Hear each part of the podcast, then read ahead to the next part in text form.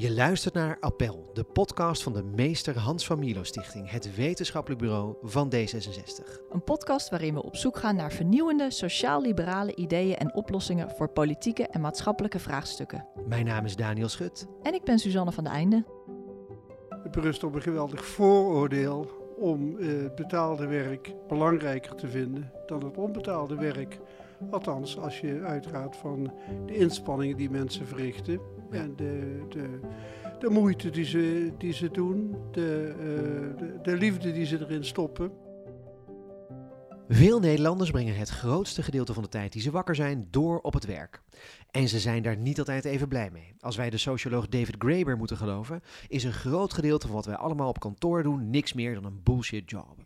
Tegelijkertijd is werk voor veel mensen ook een microcosmos van alles wat er gebeurt in de maatschappij. Van discriminatie en uitbuiting op de werkvloer tot persoonlijke ambitie, individuele expressie en maatschappelijke status. Het speelt allemaal.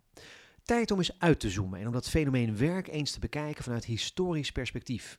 Zijn we echt gedoemd om te werken in het zweet ons aanschijns of kunnen we werk ook zien als een uiting van individuele passie, creativiteit en competentie? Hierover spreek ik vandaag met Jan Lucassen, fellow van het Internationale Instituut voor Sociale Geschiedenis en emeritus hoogleraar internationale en comparatieve sociale geschiedenis aan de VU. In zijn magnum opus De Wereld aan het Werk vertelt hij de lezer hoe wij mensen door de geschiedenis heen hebben gewerkt. En vandaag is hij hier om daar met ons over te praten. Welkom, Jan Lucassen. Dankjewel. Ja, laten we maar met die, die inleiding dan beginnen. Hè. Uh, werk als, uh, ja, we werken in het zweet ons aanschijns. Uh, is dat nu nog zo? En hoe is dat in de geschiedenis geweest? dat is voor het, het allergrootste gedeelte van de mensheid is dat nog zo. En ik neem aan dat het ook een hele tijd zo zal blijven. er zijn heel weinig mensen die zich kunnen permitteren om een vrolijk bestaan te leiden zonder te werken. En uh, we moeten natuurlijk ook vooral niet vergeten dat we bij werk, en zeker ook bij deze uitdrukking, zitten we heel dikwijls te denken aan betaald werk. Maar er is net zoveel of meer onbetaald werk. En dat, uh, dat telt natuurlijk even goed mee. En zeker als historicus, als je ver teruggaat in de geschiedenis, dan bestaat betaald werk misschien pas 2500 jaar. Dat mag voor de meeste luisteraars heel lang klinken. Maar op de geschiedenis van de mensheid van 700.000 jaar is dat natuurlijk maar een hele korte periode. Maar het belangrijkste is natuurlijk dat ook op dit moment heel veel werk onbetaald gebeurt. En dat is natuurlijk met name het werk in het huis, zorg voor kinderen, zorg voor naasten, eh, wat we nu mantelzorg noemen. Uh, dat hoort allemaal bij het werk. Ja, ja, ik wou net vragen naar, naar voorbeelden van onbetaald werk, maar dit zijn ze dus inderdaad, hè, de kinderen, de zorg voor naasten. Ja, dat is het echte... voedsel bereiden. Ja. Uh, ja. ja, dat is ook werk, koken. Zeker, zeker. Want als dat werk niet zou gebeuren, dan zouden we allemaal heel snel heel slecht af zijn. Ja, dat klopt inderdaad. Het is, het is interessant, hè, wat, wat, ik nu, wat ik daar hier gelijk al naar, naar boven breng, is dat we dus, we hebben sociale constructies, we hebben percepties van dat idee van werk. En we, we leven nu in een tijdperk waarin werk, dat, dat zien we meestal als datgene, je stapt in een auto um, en dan ga je ergens naartoe en dat is dan je werk. Uh, maar historisch bezien was dus al het andere was ook altijd al werk. Ja, dat ja. klopt. En uh, het is natuurlijk een, het berust op een geweldig vooroordeel om uh, het betaalde werk belangrijker te vinden dan het onbetaalde werk. Althans, als je uitgaat van de inspanningen die mensen verrichten ja. en de, de, de moeite die ze, die ze doen, de, uh, de, de liefde die ze erin stoppen, dan is natuurlijk een, of een moeder voor haar kind zorgt thuis, of dat een verzorgster voor datzelfde kind zorgt in een uh, uh, peuterspeelzaal of dergelijke, dat is natuurlijk een even grote inspanning. Alleen het ene wordt wel betaald en het andere niet. En het ene noemen, zijn we geneigd eerder werk te noemen dan het andere. Ja. Ja, ik wil het straks verder hebben over die, die wat modernere constructies van, van werken. Dat we het mm -hmm. dus echt over de huidige tijd hebben. Maar ja, u noemde net al terecht, hè, uh, 700.000 jaar mensheid hebben we zo'n beetje. Afhankelijk van met wie je praat. Maar uh, we hebben maar heel weinig tijd al echt betaald werk daarin gehad. Um, in uw boek uh, De Wereld aan het Werk, daar zegt u eigenlijk, hè, u, neemt, u neemt de lezer mee vanaf het begin. Ehm, het ontstaan van de jager-verzamelaar-samenleving, dan de transitie naar de landbouw en vanaf daar langzaam naar de moderne tijd. Ehm, wat voor belangrijke dingen ziet u in die, die 700.000 jaar geschiedenis? Ehm, wat u zelf al aanduidt, is het, het soort werken. Jagers, uh, voedselverzamelaars, dan wel landbouw, dan wel industrie, dan wel kantoorwerk. Dus op die manier kun je er naar kijken. Maar je kunt natuurlijk ook kijken in uh, welke samenstelling verrichten mensen werken. Doen ze dat in het huishouden? Of doen ze dat in een groep van een beperkt aantal huishoudens die samen uh, een groep van, uh, noem maar op, 50 jagers, voedselverzamelaars vormen? En daarmee hangt natuurlijk ook samen wat zijn de gezagsverhoudingen. Wie bepaalt welk werk gedaan moet worden, wie dat doet en wat hij of zij daarvoor krijgt. En dat zijn natuurlijk dat zijn de grote elementen die je mee moet nemen in de, uh, uh, in de geschiedenis van werk. Dus het gaat van kleinere groepen naar grotere groepen. En het gaat van binnen het huishouden naar buiten het huishouden. Uh, zodat nu mensen, de meeste mensen, betaald werk verrichten buiten het huishouden. En dan ook onder het gezag staan bij hun werk. Uh, van uh, uh, ja, niet-familieleden, zal ik maar zeggen. En een heel bijzondere vorm daarbij is natuurlijk dat je niet alleen onder het gezag staat van, maar ook eigendom bent van iemand anders. En dan hebben we het over onvrije arbeid en waar slavernij hoort, bij hoort. Ja, dat is ook een vorm van werk eigenlijk. Zeker. Ja, ja, ja. Zeker, het is de, natuurlijk de slechtst beloonde uh, soort van werk in het algemeen. En in ieder geval het soort werk waarbij je de minste autonomie hebt. Ja, ja. Um, door de hele geschiedenis heen hebben, we, hebben wij mensen dus verschillende varianten van werken met sociale verhoudingen achter werk uh, hebben geëxperimenteerd. Nou, slavernij, uh, kunnen we slavernij een mislukt experiment noemen als mensheid? Het lijkt mij... nou ja, vanuit een humanistisch oogpunt kun je dat natuurlijk zonder, zonder meer doen. Als je, als je denkt als je gelooft in de waarde van de autonomie van het individu, ja. dan is dit natuurlijk een verschrikkelijk uh, systeem. Uh, bovendien, uh, en dat is natuurlijk het, misschien het meest problematische aan de slavernij. We praten over slavernij als het een door de staat of door de overheid gesanctioneerde arbeidsrelatie is. Met andere woorden, de slaaf heeft uiteindelijk geen toegang tot het rechtssysteem kan niet de bescherming van de, uh, de maatschappij inroepen. En de werkgever heeft gelijk. En in veel gevallen zelfs in zover, in, eh, tot, gaat dat zover dat, omdat het eigendom is, jij hebt het eigen, stel dat jij een theekopje hebt en jij gooit het kapot, dat mag jij doen, want dat is jouw theekopje. Nou, volgens dezelfde logica in veel maatschappijen kun je een slaaf ook vermoorden als eigenaar, want het is jouw eigendom. Beetje dom om je eigendom kapot te maken, je kopje te laten vallen, je slaaf te doden, maar het mag wel. En de staat komt daar dan niet eh, tegen eh, in het geweer. Ja. De, want de slavernij is dus niet iets, niet zozeer iets persoonlijks, hè, van ik ben naar tegenover jou of jij tegenover mij. Nee, het is door de staat gesanctioneerde onvrijheid. Ja, waarbij een medemens een, eigendom wordt. Ja, precies. En dat wil zeggen dat de eigenaar tegen die andere medemens, die die meestal trouwens de facto ook beschouwt als een soort untermensch, om die uitdrukking maar te gebruiken, uh, dat uh, de, de, eigenaar uh, die slaaf alles kan opdragen mm -hmm. en natuurlijk ook kan dwingen tot seksuele relaties. Ja. Ja, slavernij is natuurlijk verschrikkelijk. Um, als je de krant nu leest, krijg je wel eens de indruk dat slavernij eigenlijk een beetje de, de universele manier van werken was. Um, nee, dat is beslist niet zo. Dat is niet zo. Uh, Vertel. Het, het, is een hele oude vorm van uh, werken, die ook al dateert van voordat de markteconomie tot stand kwam, dus voor de geldeconomie, voor de loonarbeid. Uh, bij de, de, gro de grootste oude staten, zoals het Assyrische Rijk in het Midden-Oosten, uh, die voeren oorlog en komen dan op het idee om de overwonnenen, dan gaat het natuurlijk over de overwinnaars, hè, dat ze die de overwonnenen niet meer afmaken, maar dwingen tot arbeid. Tot slaaf maken. Ja. Tot slaaf maken. Dus zo uh, uh, oud is het. Maar het is inderdaad wel afhankelijk in het algemeen van het werven van nieuwe slaven. En dat doe je via oorlogen in het algemeen. Je kunt natuurlijk ook slaven fokken, maar dat is iets, iets eh, om het maar heel onerbiedig te zeggen, maar dat is iets wat veel minder voorkomt, wat veel moeilijker is. Maar dus het hangt ook wel van frequentie van oorlogen af. En je ziet dus ook dat na oorlogen zie je heel veel slaven beschikbaar komen. Als er een geldeconomie is, vanaf dat er een geldeconomie is, zie je dan ook de, de prijzen van slaven dalen. En in vredestijd zie je de prijzen van slaven weer stijgen. Dan wel zie je slavernij minder belangrijk worden.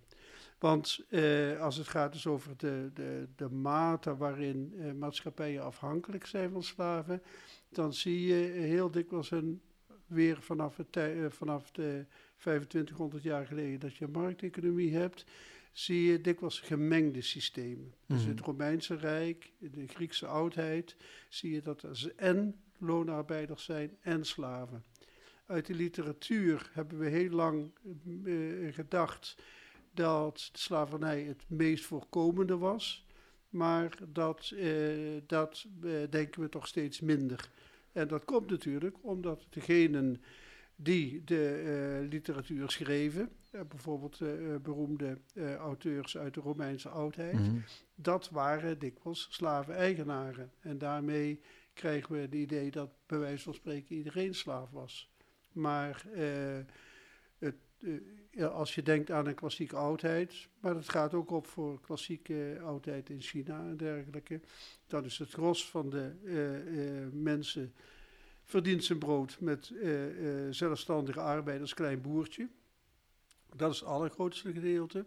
En van degenen die voor anderen werken, heb je dan grofweg, en dat hangt dus af van die aanvoer van slaven via oorlogen, ja of nee, heb je grof, grofweg een, een gelijke verdeling van uh, vrije en onvrije arbeid. Want het probleem is natuurlijk bij onvrije arbeid van hoe motiveer je een onvrije? Ja. je kunt wel zeggen van goed, die is van mij en ik laat hem of haar alle hoeken van de kamer zien. Oké, maar leidt dat tot een, uh, tot een zinvolle inspanning, leidt dat tot ijver? Nou, en dan heb je natuurlijk het alternatief van de loonarbeid, waarbij je in principe kunt zeggen, nou ja, hoe beter je werkt, hoe meer je krijgt. Hè? Dus dat gaat ja, van hoe stimuleer je iemand niet alleen om te werken, maar ook om fatsoenlijk te werken, goed te werken of zelfs optimaal te werken. En daar, eh, de, dat, is, eh, dat is heel verschillend bij vrije en onvrije arbeid. Ja, ja, ik ben wel blij om te horen dat, we, dat niet de hele geschiedenis uh, alleen maar slavernij van toepassing was. Nee, um, zeker niet. Nee. Het is natuurlijk wel moeilijk om te zeggen, want ja, de slavernij nogmaals is natuurlijk echt verschrikkelijk. Dus dat is iets wat we... Ja, is goed dat we het achter ons hebben kunnen laten wat dat betreft. Dat is inderdaad... Uh, nou ja, en, en, en uh, je hebt dus nu veel discussies over, een, over moderne slavernij heet dat. Daarbij moeten we natuurlijk wel goed in de gaten houden dat die in het algemeen uh, uh, misschien Noord-Korea, uh, met Noord-Korea als uitzondering. En natuurlijk in de recente geschiedenis Nazi-Duitsland, Stalin Rusland, Mao, China en dergelijke als uitzondering. In het algemeen moderne slavernij niet gesanctioneerd wordt door de overheid. Ja. Althans niet officieel, want alle, ik geloof dat alle landen inmiddels sinds de Eerste Wereldoorlog slavernij hebben afgeschaft en niet meer erkennen wil natuurlijk niet zeggen dat er geen onvrije voor arbeid voorkomt, want dat hangt er weer vanaf. Uh, passen maatschappijen hun, hun, hun, wetgeving toe? Hè? Kan iemand die uitgebuit wordt inderdaad terecht, de facto terecht bij de rechter? Dat is heel belangrijk. En dat zie je natuurlijk nu, de beroemde schandalen bij het wereldkampioenschap voetbal en de, de voorbereidende werkzaamheden daar. Daar heb je uh, arbeiders in het Midden-Oosten. Dus in dit geval was het Qatar, maar de andere golfstaten, Saudi-Arabië is niet anders. Die uit India, Pakistan, Bangladesh, Filipijnen en dergelijke komen. Geen burger zijn van dat land.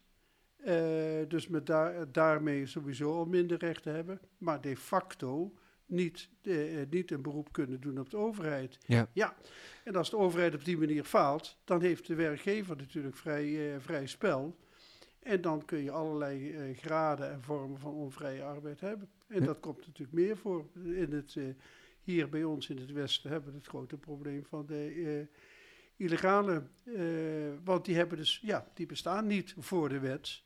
En zolang wij werkgevers toestaan om illegale aan het werk te houden, en dat doen wij, want anders zouden ze doodgaan. hè? Mhm. Je, je kunt niet van de lucht leven. Dus iedere illegaal, eh, kun je in het algemeen zeggen, heeft een werkgever, heeft een illegale werkgever. En dat leidt tot eh, vormen van onvrije arbeid. En dan is het dus ook weer daar, we hebben prachtige wetten, maar zolang we ze niet toepassen en eh, ons vooral bekommeren over de illegale arbeider en niet over de illegale werkgever, ja, dan gaan, dan gaan vormen van eh, onvrije arbeid, eh, ja, die kunnen gecontinueerd worden. En, en u zegt dus eigenlijk legitiem, kun je ook dat soort ma- manieren van samenwerken. eh, ja, klinkt een beetje raar om het ook een manier van samenwerken te noemen. maar dat kun je dus eigenlijk echt wel legitiem moderne slavernij noemen. Ja, en dat, en, en dat, is, dat is een groot probleem. Niet alleen vanwege het falen van staten, eh, het falen van werkgevers, maar natuurlijk in zekere zin ook eh, eh, moet je ook zien dat arbeiders zelf bereid zijn om heel veel te pikken als ze uit een hele armoedige situatie komen. En dus, dus ook dat op die manier bijdragen, of je kunt zeggen gedwongen door de armoede, maar toch bijdragen aan dit, het voortbestaan. En wat natuurlijk ook in die eh, reportages over, eh, over Qatar eh, duidelijk werd, dat ook de regeringen uit het land van herkomst meewerken. In, in zoverre dat ze illegale arbeidsbemiddeling gedogen. En zelfs dat de familieleden van die arme arbeiders in zoverre meewerken. Er was, een- ik herinner me een aangrijpend ehm, eh, interview waarbij de eh, betreffende arbeider zei: Ja, goed, eh, hem was beloofd, noem maar op, eh, eh, 500 eh, euro in de maand. Hij kreeg helemaal niks. Maar hij dorst dat niet aan de telefoon aan tegen zijn vrouw te zeggen. Om haar maar niet ongerust te maken. Of tegen zijn vader of noem maar op. Hè? Want dat zou, ja, dan zou hij falen. En dan hoopte hij maar dat het beter werd, et cetera. Dan hoopte hij eigenlijk maar dat ze niet meer zouden opbellen. Dus je ziet, de, eh, om te kunnen begrijpen waarom zoiets verschrikkelijks als onvrije arbeid maar voortduurt, moet je oog hebben voor, ja, in feite heel veel eh, eh, ja, participanten in dat geheel. En waarbij dus ook geldt dat je dus eigenlijk als je als overheid het goede zou willen doen, moet je dus ook heel veel meer participanten moet je reguleren. Moet je, Ja. moet je, iets, overheen, Ja. moet je iets over zeggen. Ja, ja, ja. En vooral, en vooral niet eenzijdig eh, het probleem leggen bij, eh, bij één groep. Ja, precies. Het ligt dus niet, eh, u zei het net, hè, het is niet de illegale arbeid, het is de illegale werkgever eigenlijk. Dat nou is, ja, minimaal allebei. ja, En precies. je hoort het altijd alleen maar over de eerste. Hè? Ja. Nou, denk aan het Westland, et cetera.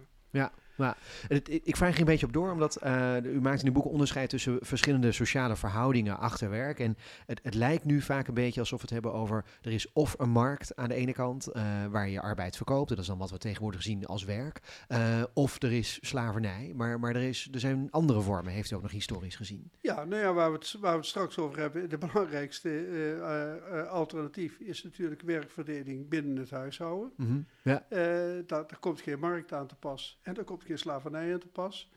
Eh, maar een, een nog andere vorm, en die ik in mijn boek uitgebreid behandel, is dat je eh, staten hebt gehad waar, eh, ik zal maar zeggen, het overschot van de, van de landbouw, dus waar je succesvolle landbouw hebt, zoals denk aan Egypte met de jaarlijkse overstromingen van de Nijl, we kennen het verhaal allemaal. Daar was een groot overschot. En dat werd niet via de markt verdeeld, maar dat werd via farao. Dus je zou kunnen zeggen eh, een, een soort staat, staatkerk eh, verdeeld. In Mesopotamië via tempels. Mhm. Ehm, en dan eh, is het dus de staat. En omdat het ook een ideologisch systeem is, de priesters, die eh, ehm, dat overschot verdelen onder zichzelf, maar ook onder voor soldaten natuurlijk, die voor de staat vechten, en voor eh, ambtenaren die voor de staat werken. Dus dat kan ook. Eh, je kunt ook eh, maar dan moet je wel een, een, een, een- staatssysteem hebben, maar daarmee ook een ideologie waarin mensen geloven dat eh, eh, al het goede van boven komt, zoals dat dan heet. Mhm. Eh, ook de rijke oogst. En dat de middelaars tussen de mensen en de, de goden, dat zijn de priesters, dat die het beste in staat zijn om de, eh, het overschot te verdelen. Ja.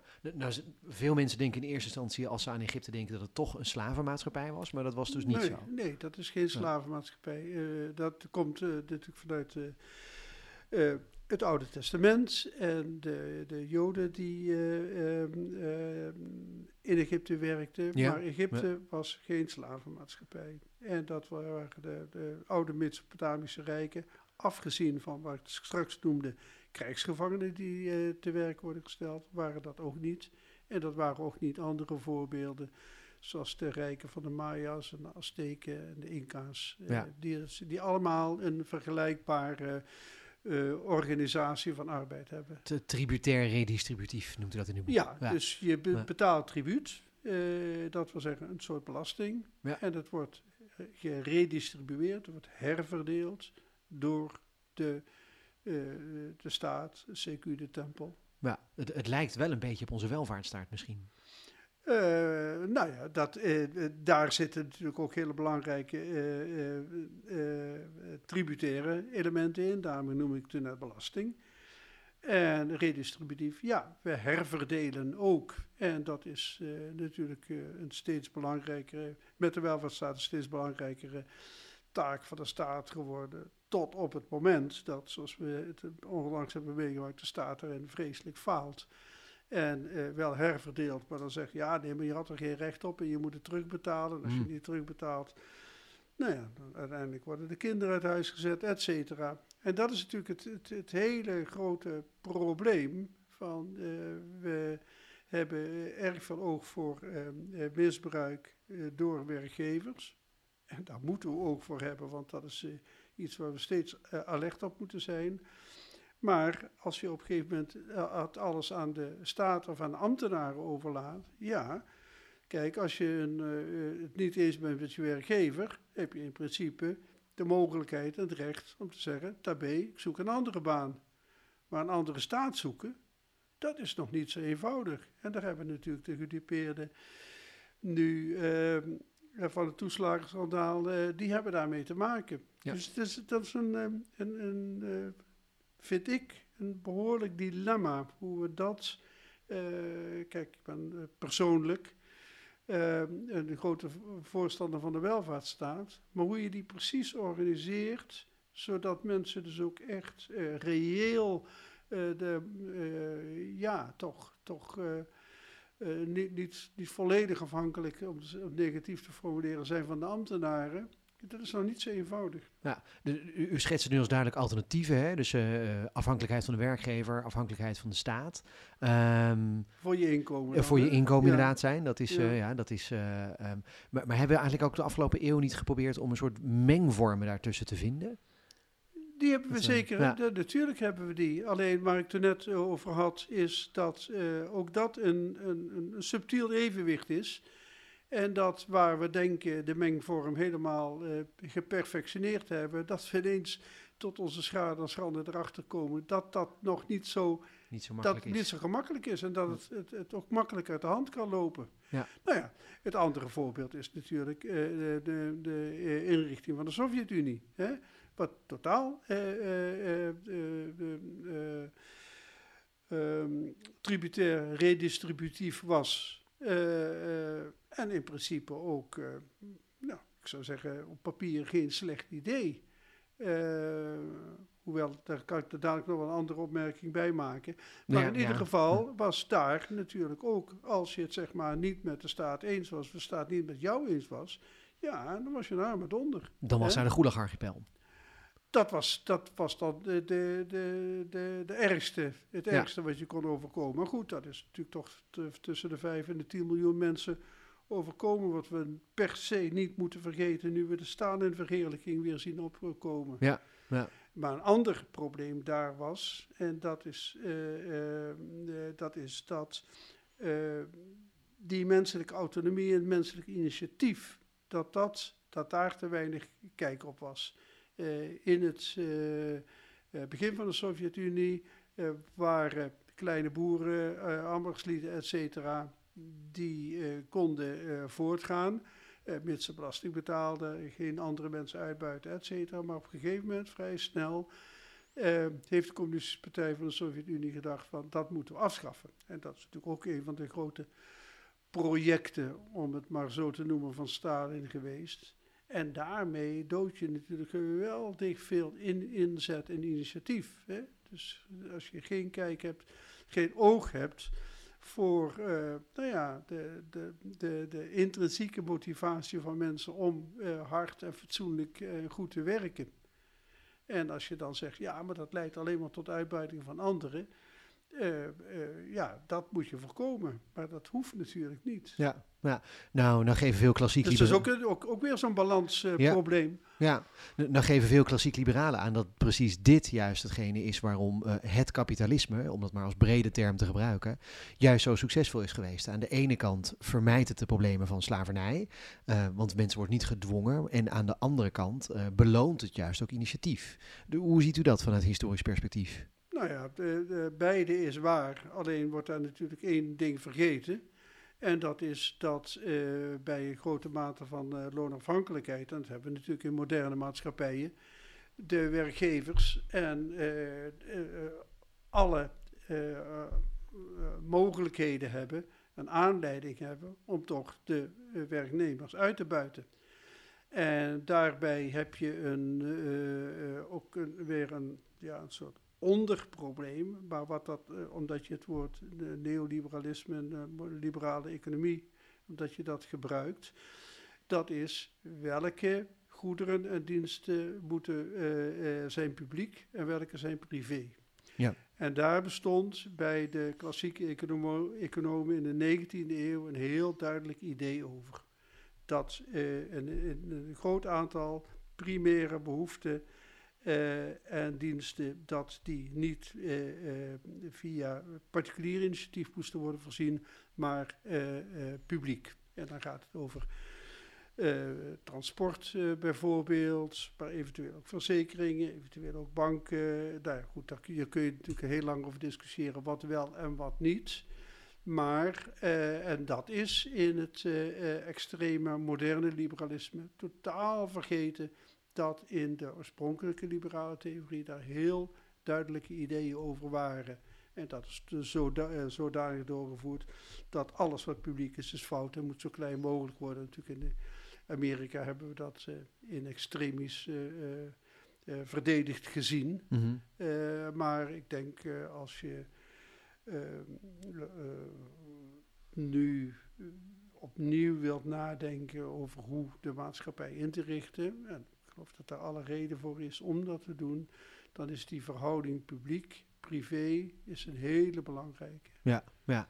Uh, u zegt wel eens een heel groot verschil. Gezondheidszorg natuurlijk. Kijk, we ja. hebben nu het, uh, het schandaal in uh, Zwolle met die, die, die hart... cardiologen. Die... Met die cardiologen. Nou, dat is toch typisch iets waarbij je zegt, maar daar, daar is het helemaal door elkaar gelopen. gelopen. Dat zij, wat ik vanochtend in de krant lees, hun onderzoek in een, uh, in een privé-BV hebben ondergebracht.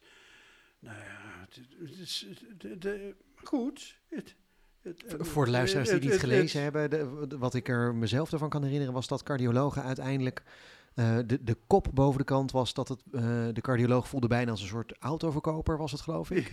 Ja. Uh, dat cardiologen dus een soort prikkel kregen om ja, een, het plaatsen van een pacemaker, dat, dat, dat, konden ze commercieel ja, te goede maken. Ja, dat was, en het onderzoek daarvoor weer en noem maar op.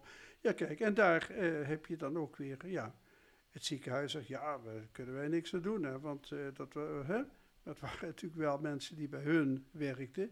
En het is natuurlijk ook weer de overheid die weer toezicht op, ziet op de gezondheidszorg. Ik vind het een typisch voorbeeld van waar echt dat hele, de, de principiële discussie over wat moet privé, eh, welke productie moet privé en welke moet publiek worden georganiseerd, uh, helemaal uit het oog verloren is. Ja, ja, en er komt eigenlijk ook weer de discussie terug die we in het begin eigenlijk al kort even aanstipten, namelijk wanneer is iets betaald werk, wanneer is iets onbetaald werk. Ja, dat heeft ermee te maken. Dat is, ja, zeker. Dus dat zijn allemaal... Het, ja, dat was het, het uh, aardige van het schrijven van dit boek, behalve dat ik als historicus iedere keer A en O denk van, goh, interessant, wat Ja. interessant. Maar dan denk ik, ja, maar het zijn ook allemaal vraagstukken waar we eigenlijk eh, dagelijks nog mee te maken hebben. Ja. De- voordat we daar dan helemaal diep op ingaan, dan toch nog één ding wat ik ontzettend interessant vond. Ehm, eh, de arbeidsmarkten bestaan dus al iets van 2.500 jaar, zo'n beetje. Ehm, als ik het goed in ieder geval onthouden heb. En, en daarvoor was het ontstaan van geld en het, het bestaan van iets als kleingeld vooral heel belangrijk. En dat, dat vond ik echt heel interessant. Ja, dat, Ja. dat, eh, de, dat is inderdaad eh, eh, een bijzondere ontwikkeling.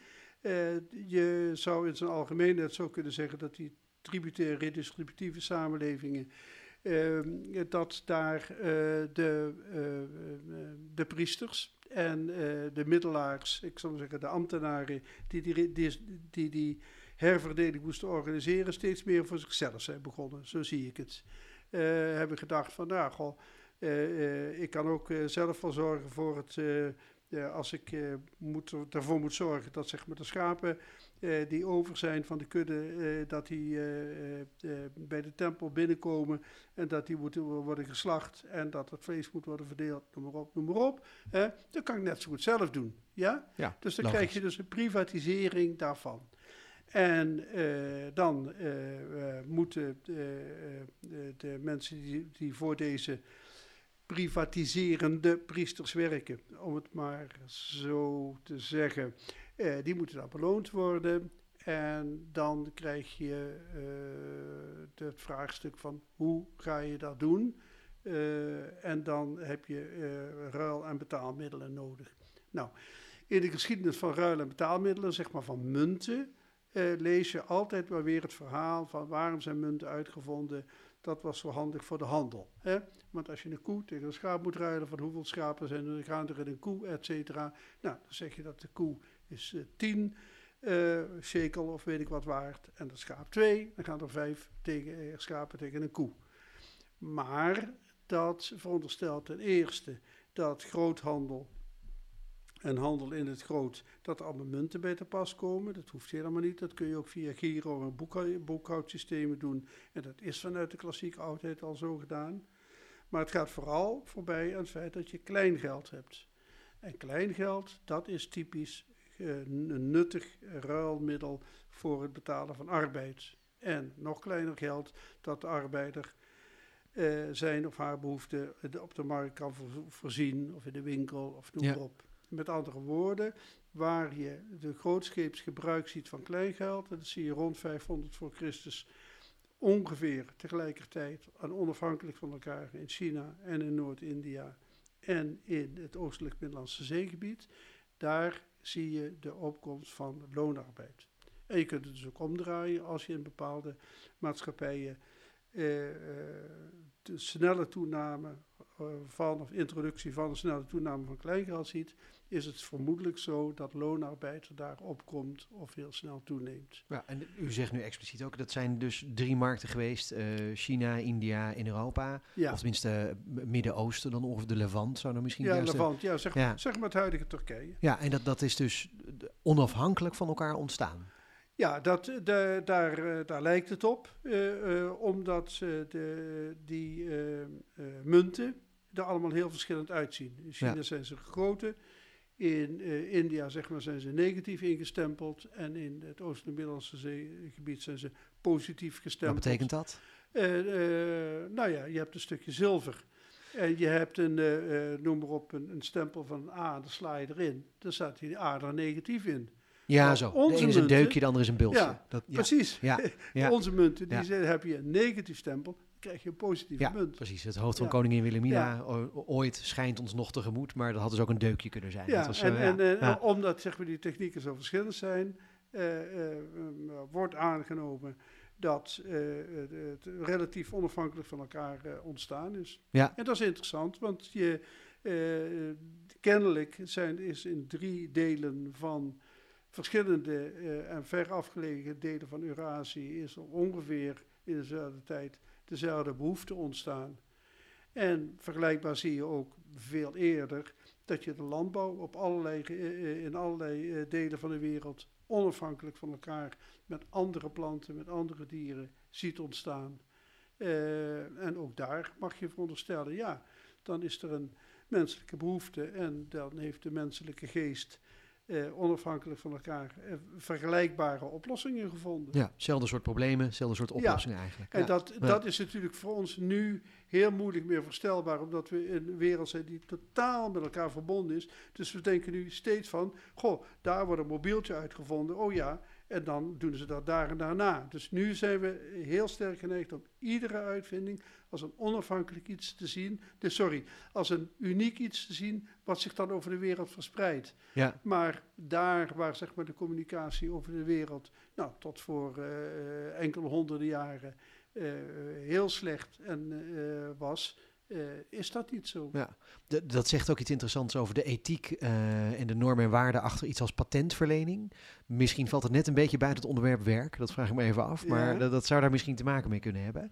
Ik wil nu dan toch eindelijk inderdaad naar die, naar die zeg maar 18e, 19e, 20e eeuw, want we hebben nu alle, alle varianten van sociale verhoudingen achter werk hebben we die gehad. We hebben het huishouden, de kleine boeren, we hebben de slavernij besproken. Eh, welke varianten waren er nog meer? De markt hebben we en de, de tributair redistributieve economie. De hele Ja. grote hebben we besproken. Verder zijn er, dat maakt de geschiedenis ook zo interessant natuurlijk, talloze varianten daarbinnen, maar de grote hebben we nu gehad. Ja, ja, Ja. dat is. Want de, de afgelopen eeuwen, eh, dan hebben we dus eigenlijk eh, vooral de arbeidsmarkt als, als, als werkvorm is heel sterk en is heel groot geworden. We hebben geen Egyptische eh, tempelmaatschappijen meer, Nee, slavernij. zijn- nee. Dat is dan Nou niet ja, gelukt. wat, wat ik maar- zeg, de ja. Sovjet-Unie zou je nog kunnen Ja. met wat ze passen en meten zou je nog eh, een variant daarop kunnen zien. Ja, dat is. eh, maar- maar hoe is het in die afgelopen eeuwen met die arbeidsmarkt dan verlopen? Met die, met die karakteristieke arbeider uit de 19e eeuw?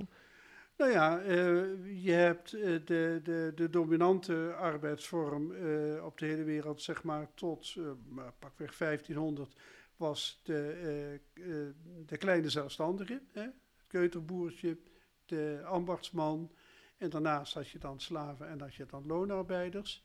Ehm, vanaf 1500 eh, ongeveer, vanaf de late middeleeuwen mag je ook zeggen, eh, tot 1800 zie je eh, in ook weer min of meer onafhankelijk van elkaar in verschillende delen van Eurasië, dus in West-Europa, in China en in Japan. In zekere mate ook in India, maar laten we dat er even buiten houden nu. eh, zie je de opkomst van eh, industriële arbeid op boerenbedrijven. Met andere woorden, boeren die in de slappe tijd, en in iedere klimaatgordel heb je slappe en hele drukke tijden, het is hol of stilstaan op een boerenbedrijf. In de slappe tijd gaan ze eh, andere werkzaamheden zoeken, bijvoorbeeld spinnen, weven, klompen maken, spijkers maken, eh, eh, eh, stenen maken, wat dan ook, gaan ze erbij doen. Dat is dus binnen het boerenbedrijf, dat wil zeggen ook binnen het boerenhuishouden komen er verschillende vormen van inkomen en er komt dan ook nog bij trekarbeid. Dus als je een, een, een, in een gebied wat ik gedetailleerd bestudeerd heb, het, het vorstendom Liepe Detmold in Duitsland, daar heb je de kleine boertjes, die werken eh, primair voor zichzelf. Dan werken ze op de grote boerenbedrijven als daar handen, eh, als er mensen nodig zijn. Ze gaan stenen bakken elders, bijvoorbeeld in, in Groningen. En al die inkomsten samen, met nog het, het kweken van een, het eh, fokken van een varken en zo, en, en het spinnen eh, en het weven in de, in de winter, dat vormt samen het inkomen van het boerenhuishouden. Dus industrialisatie gebeurt in eerste instantie, en dat zie je ook in China en dat zie je ook in Japan, op het boerenbedrijf. Dan krijg je met de grote uitvindingen die we allemaal natuurlijk kennen uit de, de 18e eeuw, eh, zie je de toepassing van de stoommachine. In eerste instantie om water uit mijnen te pompen, dus nog niet in de industrie, maar wel in de mijnbouw. En dat is dus een, eh, een centrale energiebron die gebruikt kan worden voor productie. Eerst dus voor die mijnpompen, eh, dan eh, ter vervanging van watermolens en dan dus ook voor spinnerijen, later ook voor weverijen en verder alle andere soorten industrie. Dat betekent dat je met één energiebron heel veel mensen kunt laten werken. Hè? Dat gaat via die drijfriemen en eh, nou goed.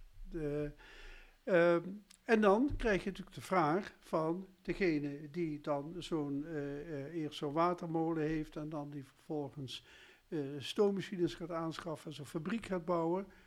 Hoe gaat die die mensen niet alleen werven, maar ook aanzetten om hard en fatsoenlijk en gedegen en zorgvuldig te werken? Want dat is in zekere zin een nieuw probleem. Nieuw in zoverre dat het, je, eh, je had natuurlijk wel de vorm dat een werkgever heel veel mensen aan het werk zette op een slavenplantage. Maar goed, dat is uiteindelijk met geweld en met de zweep. Maar eh, hier in een vrije maatschappij, we hebben het nu in de eerste instantie natuurlijk vooral over eh, Engeland, maar ook wel over Frankrijk en andere eh, West-Europese landen met name, waar die stoommachines opkomen daar eh, heb je dan een werkgever die op een andere manier arbeiders moet zien te werven, belonen, goed belonen, etc. En dat betekent dat je een gezagsverhouding krijgt, niet van een huisvader met zijn kinderen, of met zijn vrouw, of met de buurjongens, of weet ik wat allemaal. Nee, je krijgt een, een gezagsverhouding tussen de werkgever en de werknemer. En dat is een, uh, in eerste instantie is dat zo opgelost, heel dikwijls door arbeiders niet individueel tegen tijdloon aan te nemen, zoals wij nu gewend zijn, mhm. maar door ze als groep tegen stukloon aan te nemen. Om weer op die steenbakkers terug te komen.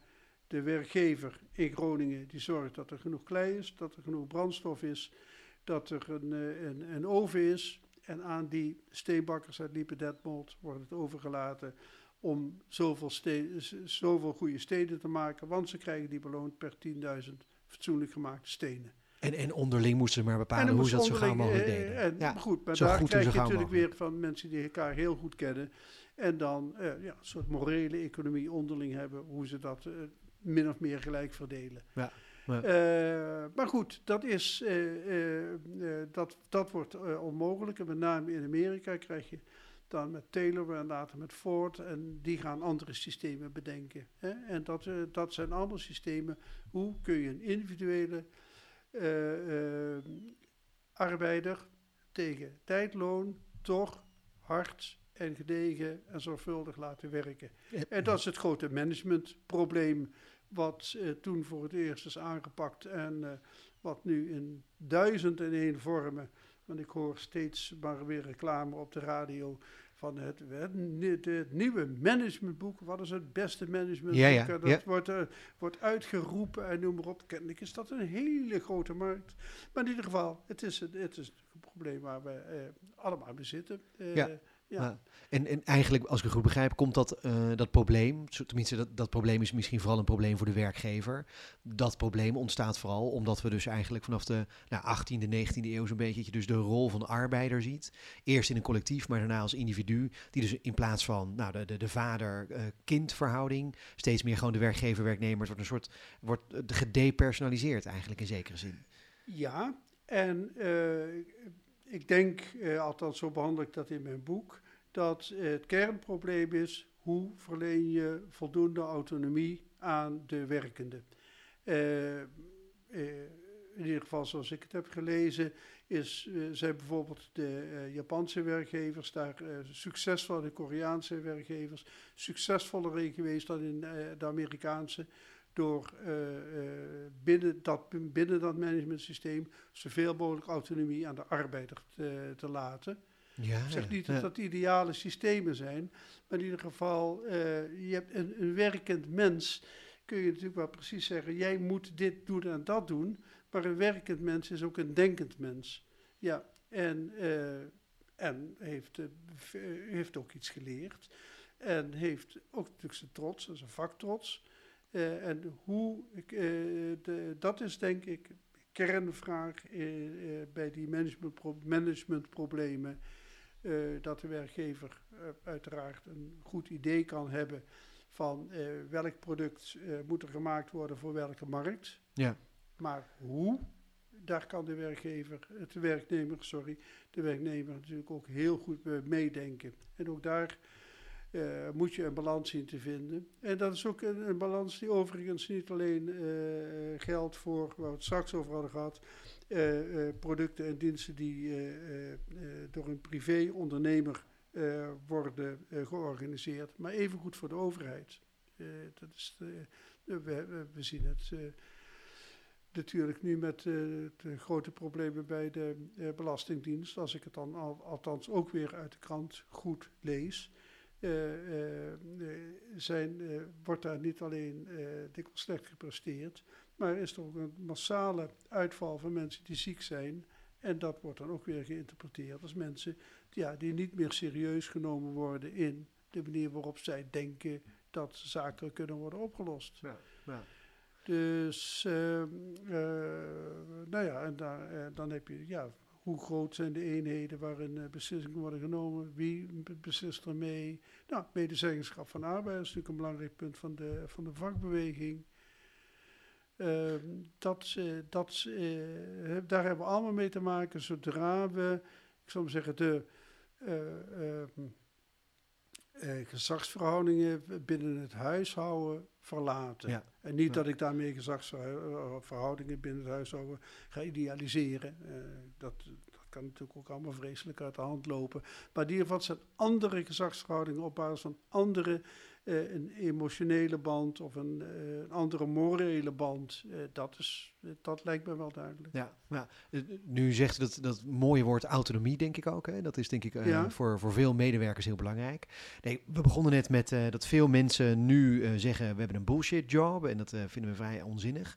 Tegelijkertijd is het ook zo dat veel van, veel van de mensen die werken op een kantoorbaan en die, die zien zichzelf als professional.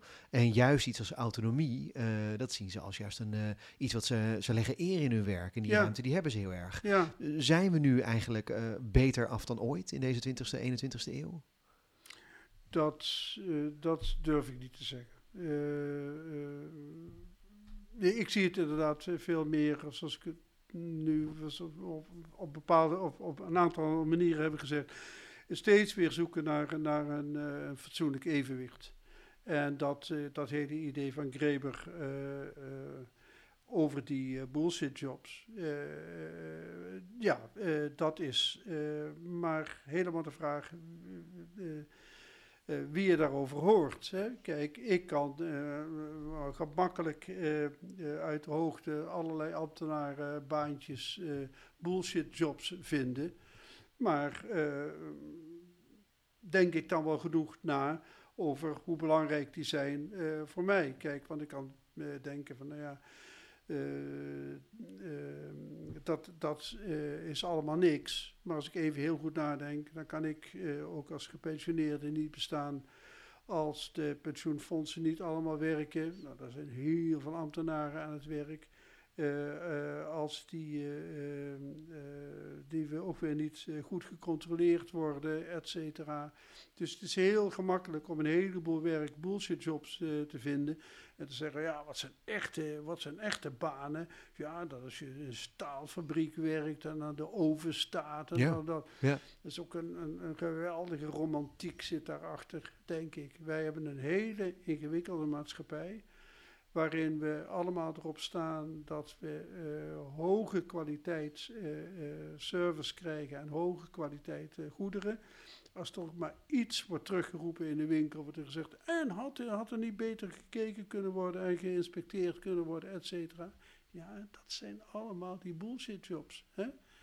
Dus ik, ik hou niet van die term. Nee. Ik hou, en ik, ik zeg niet dat er geen onzinnig werk is dat, dat is er ook in de zin van eh, dat als je op een gegeven moment merkt van er kunnen een heleboel lagen uitgesneden worden en dan gaat het beter. Nou, dan kun je achteraf zeggen, nou dat was onnodig. Dat hadden we onnodig ingewikkeld gemaakt.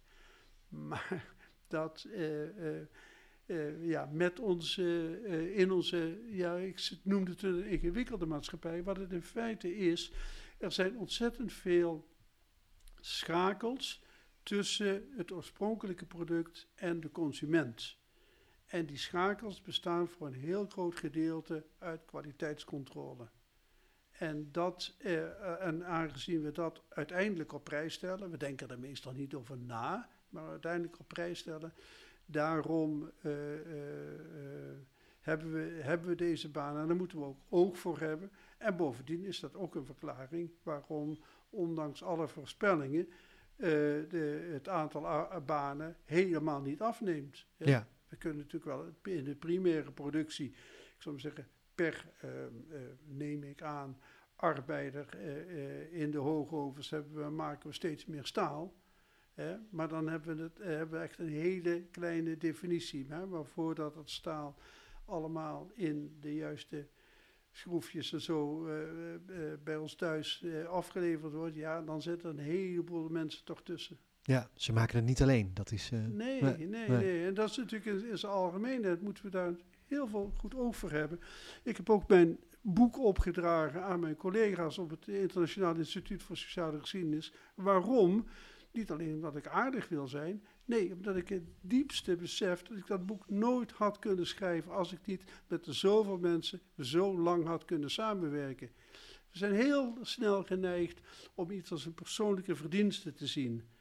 Uh, en er niet bij na te denken dat het alleen maar kan dankzij, en dat is ook, en dan kom ik weer terug op dat oude punt, van dankzij heel veel onbetaald werk. Hè? Want, want uh, op het moment dat ik op, uh, uh, aan een boek zit te werken en ik heb kinderen, ja, dan zorgt iemand anders wel voor die kinderen. Ja. ja? Onbetaald meestal. Ja, ja helder. Uh, over autonomie nog één laatste vraag. Uh, dat is de vraag dat uh, we zien tegenwoordig vaak het verhaal over ZZP'ers verschijnen. Ja. Um, tegenwoordig is het een beetje op de arbeidsmarkt. Uh, vroeger was het misschien arbeidsmarkt versus slavernij versus tributair redistributief. Maar in de krant zie je nu heel vaak het is de ZZP'er versus de, de loonslaaf. En de, Ja. de ZZP'er is wel degene die dan de, volgens die debat in ieder geval de meeste autonomie heeft. Uh, hoe Ja. ziet u dat?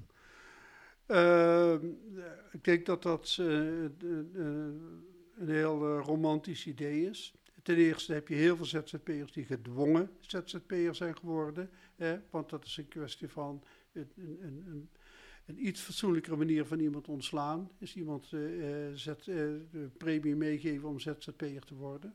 Maar je hebt natuurlijk ook mensen die dat gra- graag zijn. Dus je hebt je, eh, mensen die graag eh, eh, zelf werken. Het grote probleem bij ZZP'ers is dat ze. Er zijn eigenlijk twee grote problemen.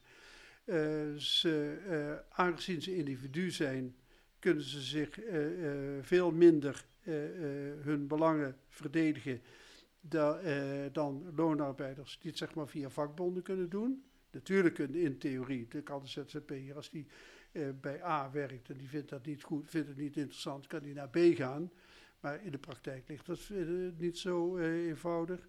En het, het grote probleem, het misschien nog grotere probleem, of even groter probleem, is dat ZZP'ers in feite niet zorgen, de facto, dat zien we uit alle onderzoeken, niet fatsoenlijk zorgen voor een oude dag. Hè? In, Ja. in, in theorie kunnen en moeten ze geld opzij zetten voor een eigen pensioen. Dat komt er niet van. En dat, dat zie je en niet alleen bij de slecht betaalde ZZP'ers, maar bij de beter betaalde ZZP'ers zie je dat in feite gebeuren. Nou, wat betekent dat? Dat uiteindelijk op een oude dag zal er toch iemand anders voor moeten zorgen. Ja? En dat zal heel dikwijls op de gemeenschap neerkomen. En dan denk ik, eh, eh, eh, ja, de voordelen die het ZZP'erschap zouden hebben. Nou ja, we denken aan veel te weinig. Dat zijn allemaal korte termijn. ZZP'ers zijn natuurlijk in het, algemeen dan ook, eh, eh, nee, niet in het algemeen, maar een grote groep zijn jongeren. Eh, dat het een korte termijn oplossing is en niet een lange termijn oplossing. Ja, ja, helder. U zegt dus eigenlijk van de ZZP'ers, het gaat daarbij om zowel de, aan de ene kant de marktmacht die ze hebben. Ehm, kunnen ze hoge tarieven onderhandelen Ja, en zijn ze daar omdat ze dat willen? Dat is Ja, precies. Ja. Maar- het gaat ook over het lange termijn perspectief wat ze zelf voor zichzelf hanteren. Kunnen ze het en doen ze het om geld voor zichzelf opzij te zetten? Ja, En dat blijkt, dan blijkt het eh, eh, de, de praktijk eh, dikwijls toch heel wat negatiever uit te pakken dan, dan wat eh, eh, ze zichzelf hebben voorgesteld, maar Mhm. ook wat de voorstanders, eh, zal maar zeggen, de, ook de grote uitzendbureaus en dergelijke, eh, zich hebben voorgenomen. Want dat is wel bijzonder, dat je eh, het einde van de 19e eeuw had je een hele grote beweging tegen de eh, eh, uitzendbureaus, met name in Duitsland. Mhm. Ik beschrijf dat ook in mijn boek. En dan eh, wordt er gezegd van ja, dat, is, dat leidt tot zoveel uitwassen eh, en zoveel uitbuiting. We moeten een centrale arbeidsbemiddeling krijgen. Die hebben we ook gehad, tot voor enkele tientallen jaren. En eh, toen, nou ja, het, het arbeidsbureau is eh, in feite afgeschaft. Ja, ja. Eh, en eh, daar, eh, daar zijn zeg maar de, eh, nou ja, wat wij dan uitzendbureaus noemen. En, eh, we hebben nog mooiere woorden als recruiters en weet ik wat allemaal, intercedenten en eh, Ja. gaan, gaan zo maar door. Eh, die zijn daar, eh, eh, die zijn daar op ingesprongen. Hè? En, En in Nederland vooral. Daar staan we in Nederland heel erg bekend. Dat we het veel hebben. Zeker, zeker. Je hebt, eh, met via de, de studenten uit zijn bureaus is het begonnen. Ja. En uh, van daaruit Randstad uit zijn bureau, et cetera. Ja. Uh, maar goed, in Nederland hebben we, doen we allerlei uh, zaken dikwijls wat uh, radicaler dan elders. Ja. Uh, maar ook, ook, daar, ook dat is weer iets waar we, ja, ik denk wel bezig zijn met nadenken over een, uh, over een uh, nieuw, uh, nieuw evenwicht. En wat natuurlijk ook zo is bij ZZP'ers, is dat je allerlei andere eisen die wij maatschappelijk stellen aan, nou ik zal maar zeggen, energiezuinig omgaan, et cetera. Die zijn natuurlijk aan collectiviteiten, zoals grote bedrijven, maar ook via vakbonden zo, zijn natuurlijk veel gemakkelijker te bereiken dan allemaal via individuen. Uh, en ja, het dilemma is natuurlijk dat we het, uh, ook het individuele initiatief en autonomie, ja, dat willen we ook niet uit het oog verliezen. Maar hier is het wel heel sterk de andere kant op gegaan, denk ik persoonlijk. Ja, dat brengt ons bij de vaste slotvraag die we altijd hebben in de podcast. Uh, stel dat u nu minister van Sociale Zaken en Werkgelegenheid was. Uh, wat zou je dan morgen als eerste willen invoeren? Is dat... Um, ja, dat, dat vind, ik een, vind ik een onmogelijke vraag. Ja, ik, ik zou. Ik denk dat ik niet iets zou invoeren, dat ik vooral zou willen nadenken over die, die grote dilemma's, over die, die grote die evenwichten die we moeten zien te bereiken. En dat is natuurlijk weer typisch wat een professor denkt, maar die gaat denken en die gaat studeren ja. en die gaat niks doen. Ik denk inderdaad dat ik niet meteen iets zou doen. Maar dat ik, dat ik zou zeggen, als, als mijn ministerschap, als ze daar later van zouden zeggen van... Goh, die man heeft dus over een aantal principiële dingen nagedacht voordat hij wat deed. Dat dat misschien, een, uh, dat dat misschien gewaardeerd zou worden. Heel goed. Hartelijk dank Jan Lucassen en jij luisteraar, bedankt dat je luisterde. Vergeet niet om je te abonneren op deze podcast als je dat nog niet hebt gedaan. En dan krijg je automatisch een bericht als er een nieuwe aflevering klaar staat. En wij zijn er weer over twee weken. Tot dan. Hartelijk dank. Ja.